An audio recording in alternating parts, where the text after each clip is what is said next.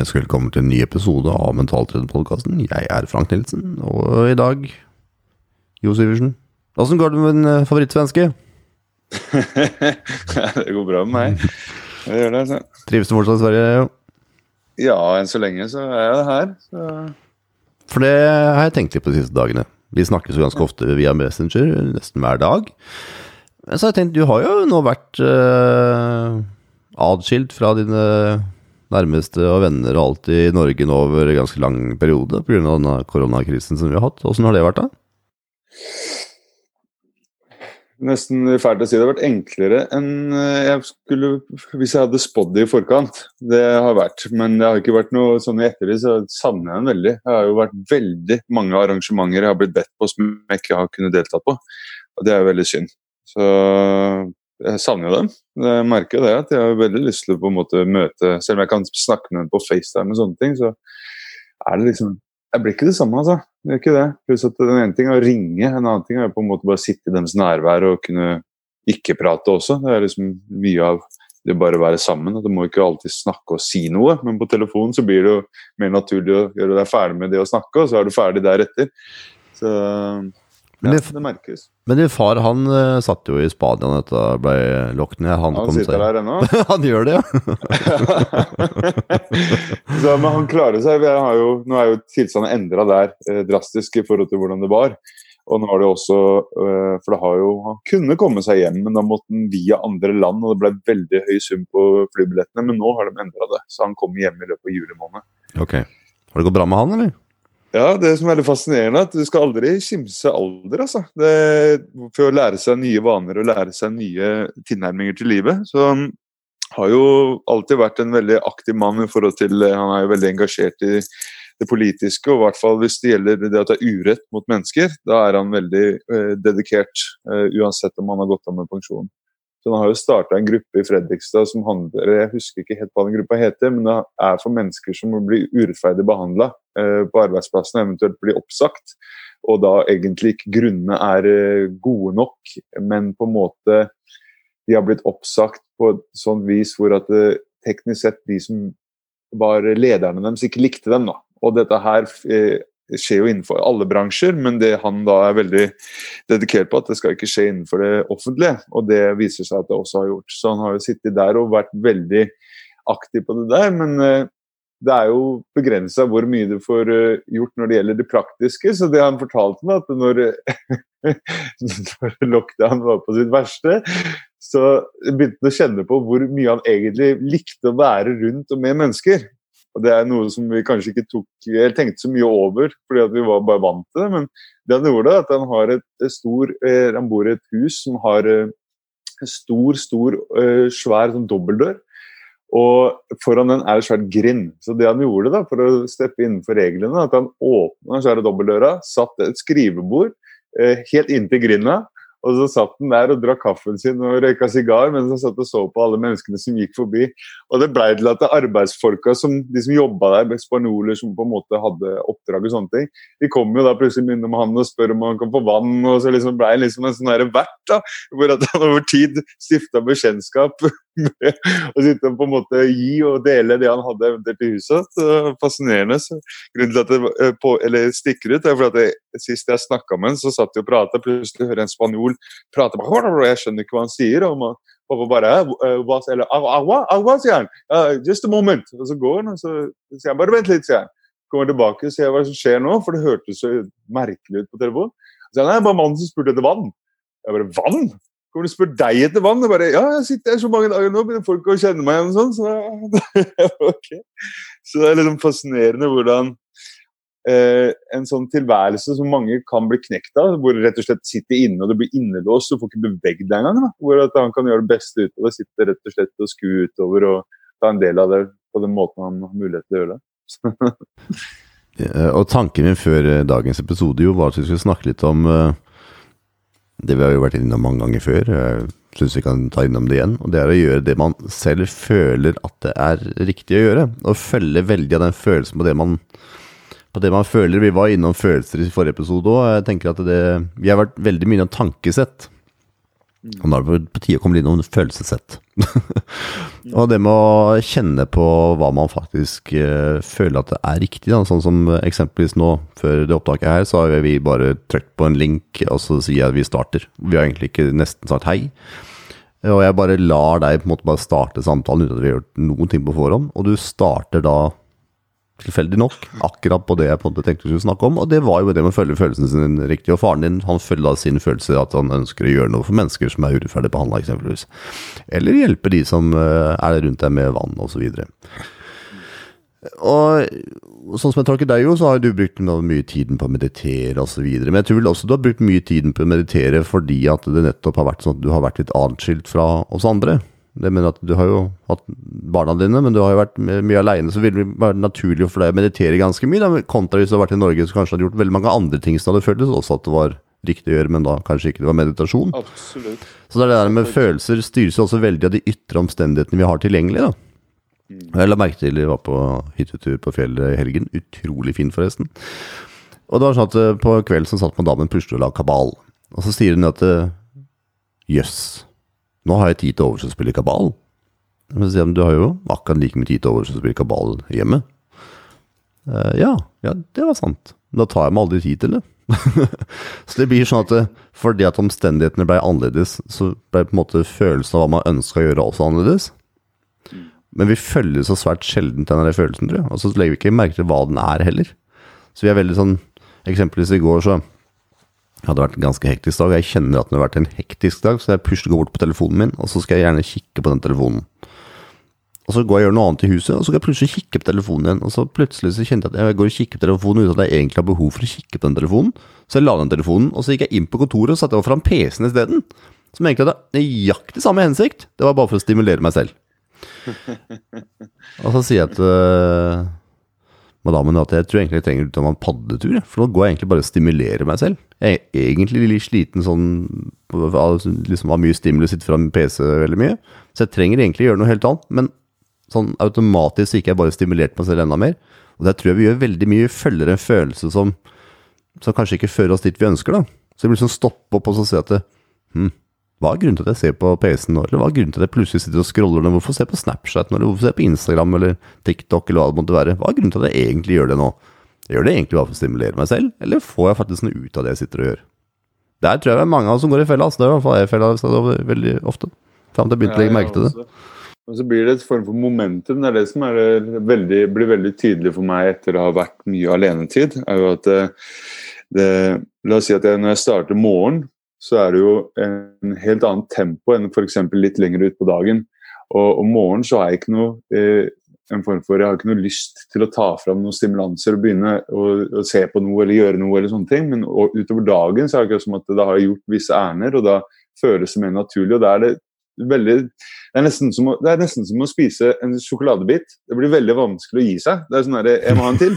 Jeg må, jeg, må, ha en til. Jeg må ha en til. Og så, til slutt har du spist opp hele plata. Litt sånn blir det egentlig også, det, det jeg opplever. da. At Blir man uh, stimulerer seg, så er man teknisk sett uh, litt sånn litt bedøva. Man, liksom, man merker ikke at det, 'Å ja, men jeg gjør det igjen og igjen og igjen'. Det går liksom på autopilot. Spesielt sånn for meg, da, litt lengre utover dagen, så blir det mer naturlig. Det er uh, veldig fascinerende hvordan det fungerer. Altså. Og det jeg tenkte vi kunne få fram i dag, er litt sånn Jeg tror det er veldig mange som har denne vanen. At man plutselig sitter med telefonen i handa, og så vet man egentlig ikke hvorfor man sitter med den i handa. Så hørte jeg stadig et 'Jeg skal bare sjekke noe'. Men hva gjorde du før, da? Du sjekka vel ikke ting 100 ganger om dagen før? Altså det er veldig mange som, Jeg kan legge merke til det selv, plutselig skal jeg inn på Finn og sjekke noe. Jeg skal sjekke noe hele tida. Vi får en sånn impuls om at noe skal sjekkes. Og det blir sånn og Hvis du liksom har gjort det ei uke, så om man ser tilbake ja, hva all den tida jeg brukte på sjekking, da. Ikke på, Tinder, ikke på Tinder altså, men driver sjekking. Det er sikkert det også for mange. ja, ikke sant. Men det er bare all den tida man bruker, og det er jo en følelse Det er en følelse at det, En impuls da, som man får at man må sjekke ting. Og så er det sånn mm. Trengte du egentlig bruke av den tida der på å sjekke de tinga? Følte at du fikk noe igjen fra den tida du brukte på å sjekke ting? Eller var det egentlig bare for å stimulere deg selv fra noe annet? For det er noe med følelser at vi snakka sist om det med hvordan man styres. Er sånn at Man ønsker jo ikke å kjenne på negative følelser, f.eks. Det er bare så utrolig mye man lærer på negative følelser. Og jo, du har sagt noe til meg noen ganger at ja, det kan være litt sånn følelsesmessig berg-og-dal-bane av og til. Kan ikke du ta så, hvis du ønsker, fortell litt om de følelsesmessige berg-og-dal-banene? Ja, jeg hadde faktisk en samtale med en nær venn av meg i går. En dame som heter Bryony. Bare for å putte det i kontekst, så møtte jeg hun på et, eh, et meditasjon. Det var den perioden hvor jeg har holdt eh, stillhet i fem dager. Husker jeg snakka om det? Hvor jeg ikke snakka med noen på fem dager. Så jeg møtte vel hun første kurset, dette var kurs nummer to, eller året etter. Så det er en uh, vennskap vi har utvikla. Fascinerende, fordi eh, det som er litt fascinerende med hele denne situasjonen med meg og hun, at vi har veldig lik opplevelse av verden, selv om vi er totalt vilt forskjellig. Det er liksom at Referansepunktene er like. Og det jeg kommer fram til her, at uh, hun stilte meg spørsmål i går bare men hvordan er det egentlig å være eh, så mye aleine? Eh, er det ikke ensomt? Er det ikke sånn at du føler at du blir eh, At du blir eh, At du, er utenfor? At du føler at det kanskje eh, Du blir mye med følelsene dine og sånne ting. Så er jo, det har vært en lang periode nå, over tid. Ved starten så var det jo veldig enkelt. Det veldig, når det dukker opp en, for, for en følelse av ubehag, da når du sitter med deg selv, så har du ikke så mange andre steder å gå. så det, Vanligvis så kan du jo få en negativ følelse og dra fram telefonen. og det er jo et visst antall timer du kan gjøre det, før du begynner å legge merke til at det, men herregud, hva er det jeg driver med her? ikke sant? Fordi du sitter jo med deg selv. Det er, liksom, det er liksom ingen andre som kan komme og ta oppmerksomheten din, eller du kan skylde på dem. eller Du, kan, du går ikke fordi du sitter med deg selv. Så etter et x antall uh, Facebook-timer så blir det sånn Hva er det jeg egentlig går hit for? Og så blir det at jeg begynner å søke og bli mer bevisst på det. da. Og det på en måte som blir den berg-og-dal-banen som jeg har nevnt der flere ganger, er at det, det kommer opp la oss si, følelser i løpet av en dag som ikke har noe tilknytning til hva jeg tidligere kunne kategorisert det som. Tidligere så hadde jeg vært aktiv og la oss si at jeg hadde eh, spilt inn en video, eller holdt det, hva enn det hadde vært, så hadde jeg på en måte kjent en følelse, og så hadde den fått et utløp som at å, herregud, hvor rart det var, eller så å, irriterende det der var, eller å, så dum den personen var, eller å, så synd det der var. At det, det en, jeg kunne putte det eksternt der ute.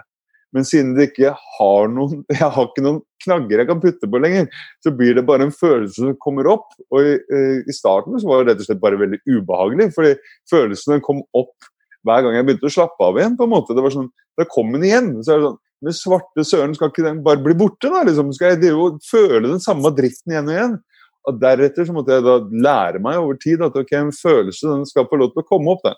Jeg skal ikke skyve den unna, men må lov, den må få lov til å komme opp og få lov til å gå bort igjen.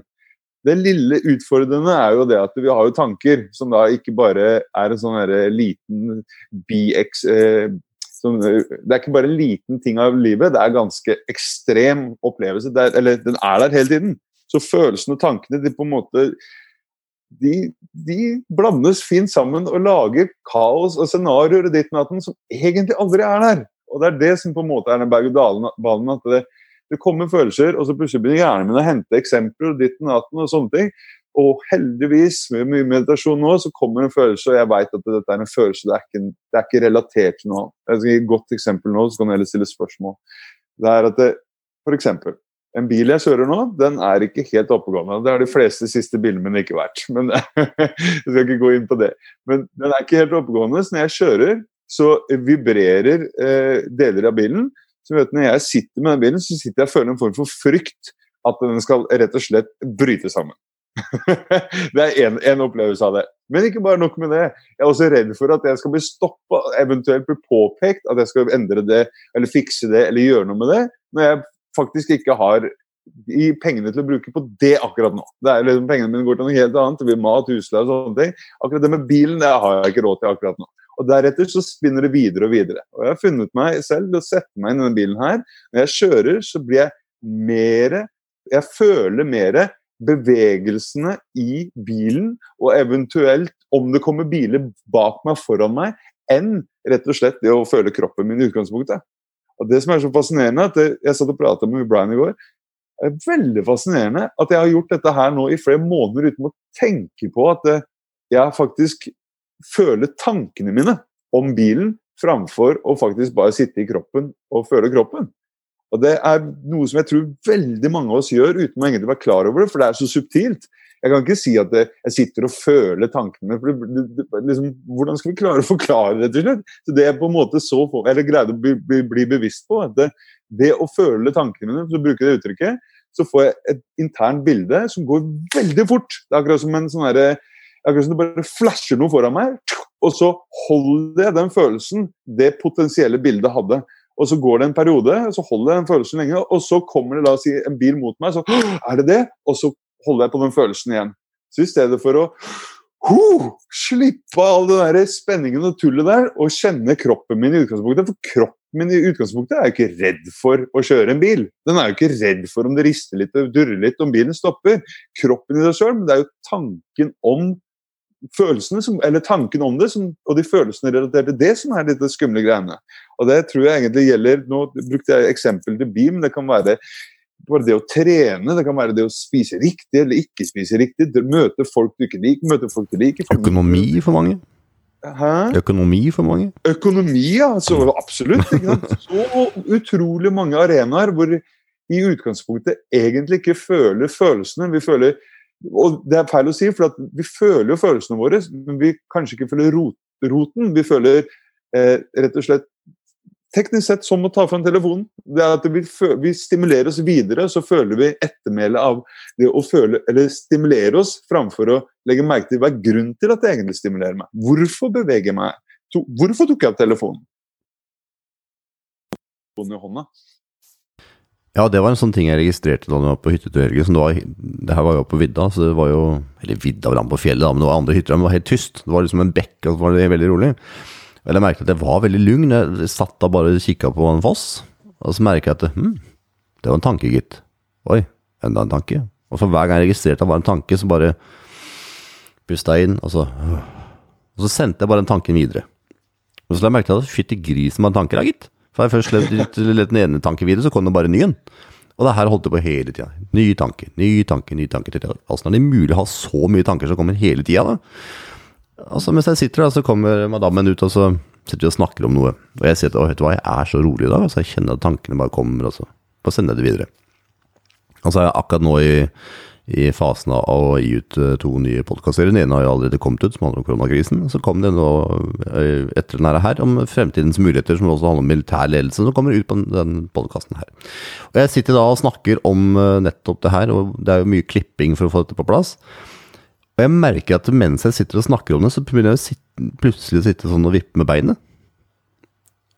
Og så sier fruen at hvorfor sitter du plutselig og vipper med beinet nå? Og da merka jeg at jeg hadde skifta helt følelse. Fra å være helt rolig til å begynne å snakke om at jeg måtte få dette ut. Da begynte jeg å stresse meg opp, for jeg begynte å snakke om at jeg måtte få dette ut. Så altså det, bare tanken da, av at noe måtte gjøres, så endra jeg den fikk en følelse. Og plutselig endra jeg total fysiologi. Jeg gikk fra å være helt rolig, høre på tankene, høre på fossen og liksom sende tankene videre, til å tenke på at det måtte gjøres, og så plutselig hadde jeg gått inn i overdrive. Uten å være klar over det i det hele tatt. Det har skifta totalt følelse. Ikke for å være helt lugn til plutselig være litt sånn gira følelse av å ha mye du må gjøre. Ja. Og jeg tror det, det her skjer jo hele tida altså, hos alle. At vi kan gå for å være rolig, og så er det Oi, jeg må huske det, ja. Og så plutselig er det off to the races. Jeg tror det er veldig samme telefonen også. Vi sjek, skal bare sjekke en ting, og så plutselig Oi, interessant der, ja. Og så plutselig så har vi sittet i kvart og lest om noe som vi egentlig ikke har tenkt i det hele tatt. Vi er veldig bare følge følelsene våre men vi følger følelsene våre der det kan være bra, vi følger følelsene våre der det også kan være ikke så bra. Eksempelvis i tilfellet her, da, så stopper jeg opp og jeg får ikke gjort noe med klippinga akkurat nå uansett. Det er ikke noe grunn til å stresse meg opp for noe, noe jeg ikke får gjort noe med. Kunne jeg satt meg ned med laptopen og klippet, så kunne jeg jo klippet. Og det her kommer tilbake til den der gåinga på meg i det siste. Jeg, fra nå så kommer jeg til å forkynne at alle burde gå. Og jeg skal fortelle hvorfor. Det er at når det er varmt, det er tungt, du har melkesyre, du hiver etter pusten. Du er så sliten med nesten ikke hvor du skal gjøre det, men du fortsatt er ikke kommet til den toppen. Så har du lyst til å snu og du har lyst til å gå hjem. Det er iallfall jeg. Hver eneste gang uten unntak. Uansett hvor langt det er, så har jeg lyst til å snu og gå ned igjen. men det som jeg nemlig har lært meg til, er at eh, hver gang jeg kjenner den følelsen, så vet jeg at ok, det er litt igjen. Og jeg må bare stå ute der igjen. Jeg må bare komme over den kneika nå. Skal komme over den kneika. Og når jeg kommer over den kneika, så kommer jeg omsider til toppen. Når jeg kommer til toppen, så bare åh, yes, jeg kom til toppen. Men da vil jeg gjerne ned igjen, som jeg snakka om før. Da vil jeg ha følelsen av da vil jeg ned igjen. Så da kommer jeg litt i, tilbake i hvilepuls, og så bare går jeg ned igjen. Og da har jeg en kjempegod følelse når jeg nettopp kommer ned igjen. Og det la jeg merke til hvis jeg tar det med inn i andre gjøremål som jeg også gjør, at det, vet du hva, jeg har ikke lyst til å sitte og klippe mer nå. Jeg driter i den klippinga. Jeg har lyst til å hive hele det der klippeprogrammet og bare sletter og PC-en og alt bare i søpla. Jeg har ikke lyst til å klippe mer. Men så sånn, jeg må bare komme over den følelsen at jeg ikke har lyst til å klippe mer. Så er jeg jo ferdig. Og det her har jeg merket veldig mye i livet ellers også, i de snart 40 åra før. At hvis jeg kjenner på, kjenner på at jeg ikke har lyst til å gjøre noe mer, så stopper jeg gjerne opp. Men ikke nå. Nå har jeg lært meg til at hvis jeg kommer over kneika, ok, greit.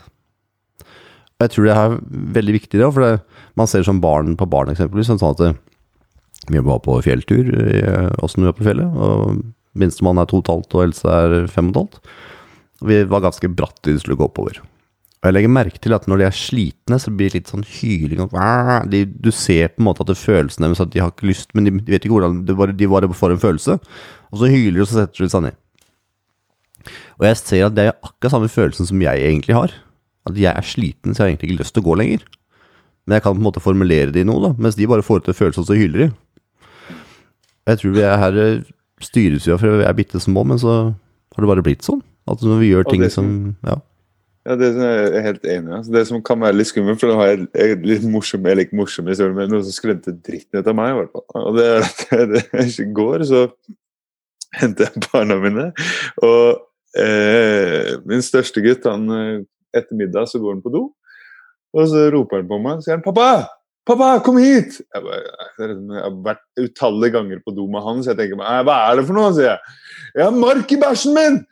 Jeg bare 'Hva er det du sier for noe? Tuller du?' sier jeg. Bare, nei! Så jeg, jo, du tuller. Så går jeg inn, så jeg, jeg har ikke lyst til å se det. Så jeg ser ned, så sier Nei, det er ikke noe her, sier jeg. Han bare 'Jo, der!' Jeg bare 'Nei, du prater tull', sier jeg. Så flytter han seg, så ser jeg bare 'I helvete, små hvite mark i bæsjen', altså. Og med en reaksjon i kroppen min inni meg er sånn ah! Mark bæsjen! Jeg tenker bare, faen, mark i meg! Liksom, en ting er jo ins insekter, det takler jeg liksom ha det på meg, jeg kan børste det bort. Men hvis du krabler små jævla beser inni kroppen på barnet mitt, som jeg elsker mer enn alt, da får jeg liksom, det er liksom Å, hva faen gjør jeg nå? Så det gjør at jeg heldigvis greier jeg på en måte bare ah, Det er ingenting. Hvis jeg går bort til telefonen min og bare tenker svarte faen, hva er dette for noe, hva er dette for noe, hva er dette for noe, så søker jeg gjennom, og så kommer jeg til en morsom artikkel, og da står det steg for steg. Dette her er kanskje reaksjonen din. Første reaksjonen din er at du kommer til å tenke at barnet har det her. Reaksjon nummer to, du kommer til å synes det er ekkelt og forferdelig. Reaksjon nummer tre, du kommer til å skrike ut, og du kommer til å lage en traumatisk opplevelse som barnet ditt aldri kommer til å glemme. Og så tenkte jeg bare sånn, og de sa, det var skrevet litt morsomt, tenkte jeg bare å herregud, takk Gud, eller takk hvem enn, for at jeg faktisk hadde en naturlig respons. At ikke jeg ville dele den følelsen jeg hadde innvendig.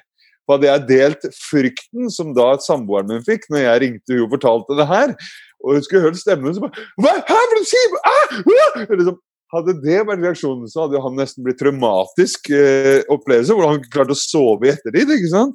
Så heldigvis så var dette her veldig naturlig. Over at Jeg søkte på nettet Så, ikke noe farlig, gutten min. det er ikke noe greier, Bare gå og ta en dusj. og Jeg fikk prate og lugna meg ned, eller roa meg ned på veien. da.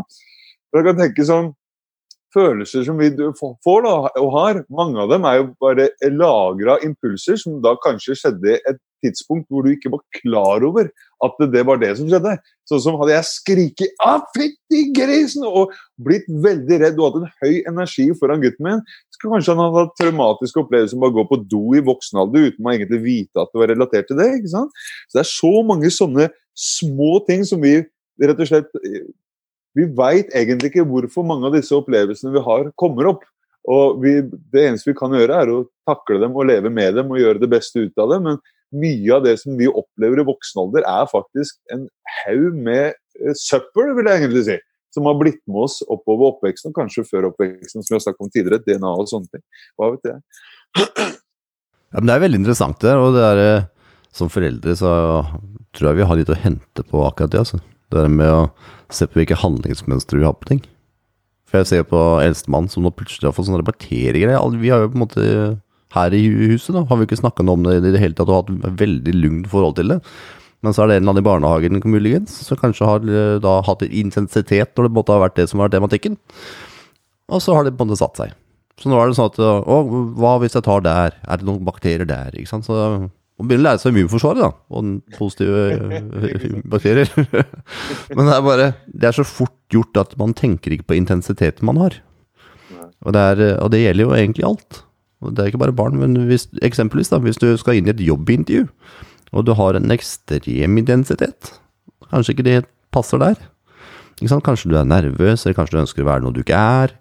Eller hvis du går inn på en eksamen og du har en ekstrem intensitet på at det her får jeg ikke til, da kanskje det går dårlig. Altså, vi, har, vi er så flinke til å ha andre intensiteter og andre følelser da, enn det vi ønsker å ha.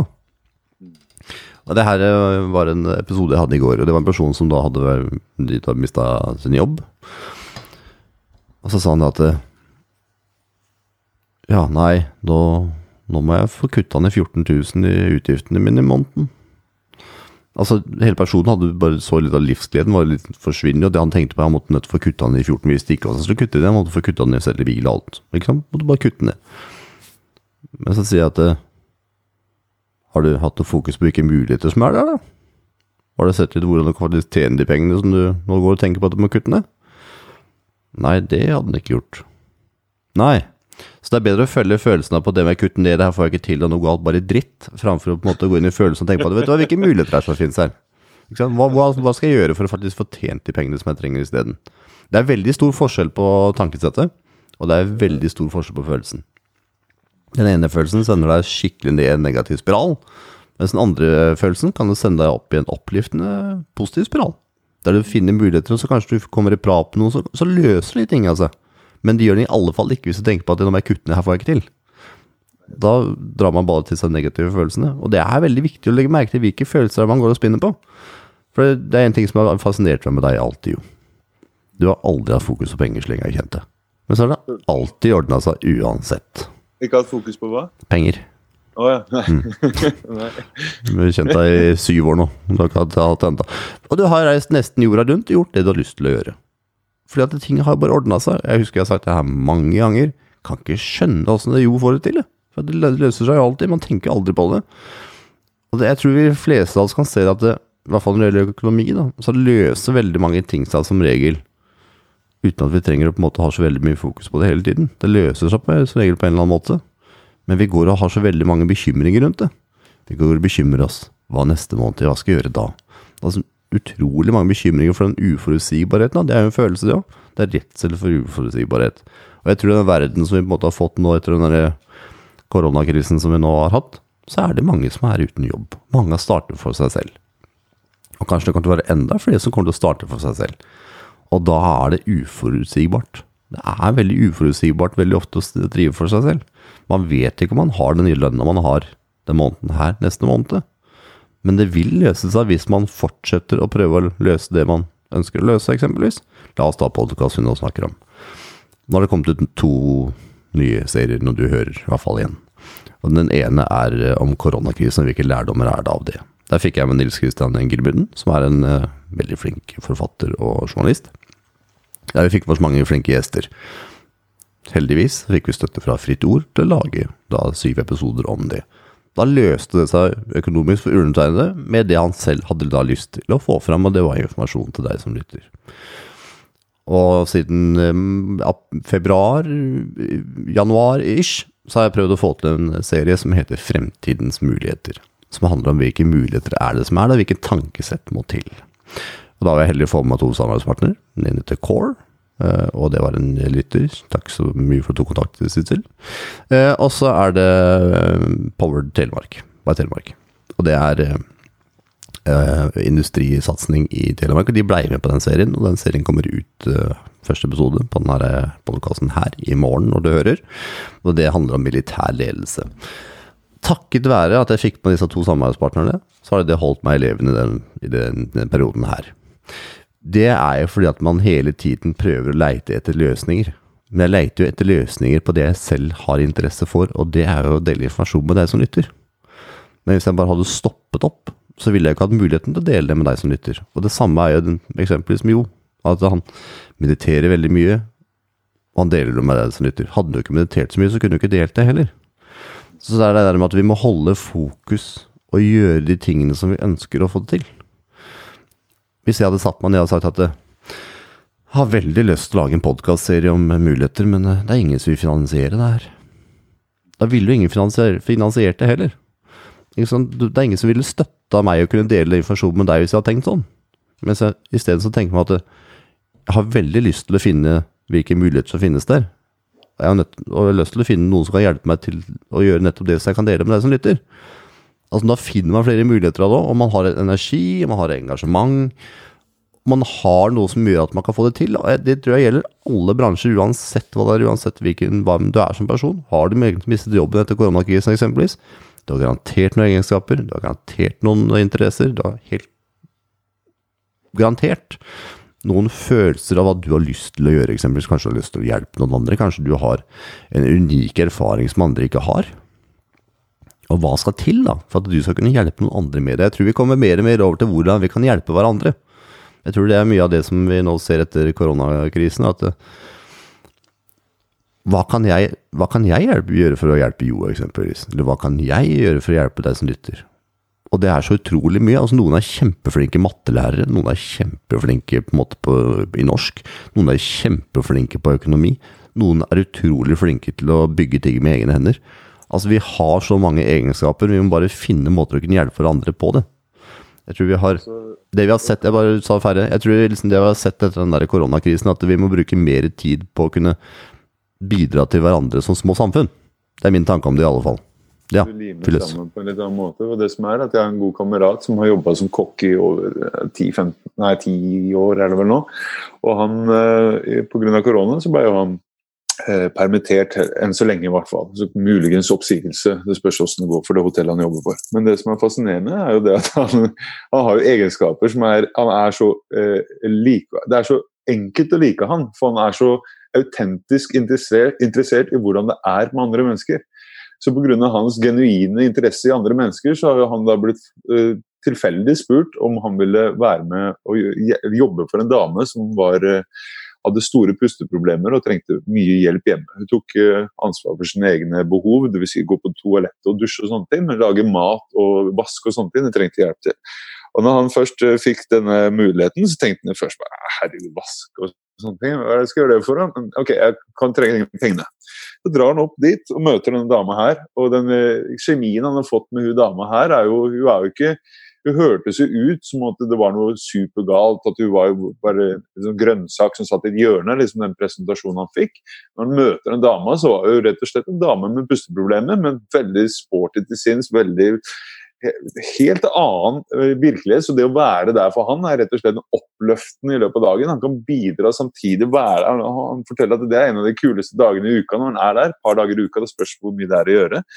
Og så deretter så har han eh, eller fått muligheten via andre kontakter til å begynne å jobbe i en eh, liten bar hvor han skal drive servere og sånne ting. Så han driver og deler seg opp til å ha mange små oppdrag, men faste.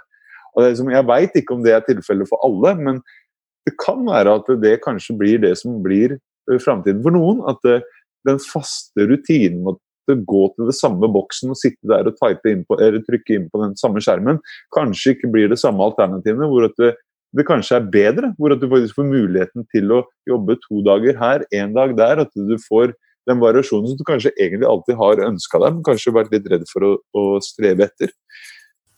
Vi har nok vært veldig flinke til å niholde på det med forutsigbarhet. Den tryggheten, da. Den tryggheten at jeg vet hva som kommer i lønn da. Jeg, legger merke til at for veldig mange så er den ekstremt viktig. Men samtidig sånn at det gir jo vekk veldig mye av friheten også. Hva da om du måtte kunne gi bort litt av forutsigbarheten og ha veldig mye frihet? For det der, det der med å kunne følge hva man selv ønsker, og jeg tror mange som har valgt å drive som fysioterapeut eller kiropraktor eller coach eller hva det måtte være, som ønsker å bidra til å hjelpe andre, og veldig mange av de er jo selvstendige. Men de gjør jo ting som de ønsker å gjøre. Er, ja, man må jobbe litt mer for å få kunder, eksempelvis. Men skal det være så negativt å ha litt press på seg, da? Det er vel positivt å ha litt press på seg også? Jeg tror det er sånne yrker de har forutsigbar lønn også, så er det jo press på å levere der også kanskje også verre til tider, for det er press som er ekstern for ikke du egentlig uh, gjorde Det var ikke det du egentlig ba om, du bare ble bedt om å gjøre det. Mens her kanskje er noe som er mer som er. Eller eh, mot mål du faktisk ønsker å oppnå selv. Det kan være litt skummelt, men allikevel, hvorfor ikke? Jeg kan bare si det, at jeg er en nevø som har begynt å jobbe på Eller han jobba der nå i noen år. Jobber med speditør og sitter og taster inn eh, eh ordre for eh, store firmaer som skal fortolle eh, varer. Og han sier at han, eh, han, liker jobben og liker det å være rundt folk, og sånne ting, men det å sitte der og taste og taste og taste, taste, taste, taste, og liksom få disse arbeidsmengdene og aldri få liksom en klapp på skulderen på hvor bra det er Han kjenner at det er akkurat som en sånn pre, eh, presskoker. at det liksom, Over tid nå, mer og mer og mer, til slutt så bare sprekker bobla. Han bare 'Jeg må ut'. og det tror jeg egentlig at mange har blitt satt i en sånn presskoker nå. Kanskje ikke av jobben i seg selv, men av livet. Vi blir rett og slett pressa litt til å bevege oss en annen vei. Ja, altså Avslutningsvis er det selvsagt positivt hvis du har en arbeidsplass du trives med, og du har forutsigbarhet. Det var, jeg ønsker bare å belyse hvis du på en måte ikke har det, så er det absolutt hopp i andre enden der òg. det er bare at det er eh, Det, det fins mange positive sider på andre siden av det med å ikke ha forutsigbarhet på lønn, eksempelvis. Vi håper eh, du som lytter fikk noe ut av dagens episode, og det vi prøvde å få fram i dag, var vel eh, hvordan vi styres av følelser, og kanskje uten å være klar over Litt sånn oppfølging fra, fra den episoden som var forrige gang vi pratet sammen, jo. Vi snakket om følelser der også. Uh, og samtidig så håper jeg du som lytter sjekker ut uh, korona-miniserien som kommer ut blant de episodene her. Uh, og det som jeg syns har vært interessant med denne koronaserien, det er Vikmund Kristian som er flink til å gjøre mye forarbeid. Uh, og samtidig så har vi hatt veldig spennende gjester. Så selv om du kanskje er litt lei av korona, som uh, iallfall undertegnede har vært, må jeg innrømme, så har jeg iallfall lært utrolig mye. Og det er lærdom er iallfall det som, eh, og nysgjerrighet er iallfall det som driver meg. Og så håper jeg du også ønsker å sjekke ut Fremtidens muligheter og militær ledelse, som er den første episoden som kommer ut da etter den her har kommet ut. Og det er med Rino, som da jobber som professor på Forsvarets eh, høgskole, om jeg husker riktig, eller krigsskole, er det vel. Så litt kjærligheter, tusen, tusen takk for at du hørte på. Og send oss gjerne forslag da, til tema du ønsker vi skal snakke om, så ikke vi bare bare snakke om følelser i lange, lange tider framover. sender du til post.mtfranknilsen.no. Og tusen, tusen takk for at du hører på. Så håper vi at vi snart får vår favorittsvenske og på norske linjer igjen. Ha det bra, Gaio. Ha det bra.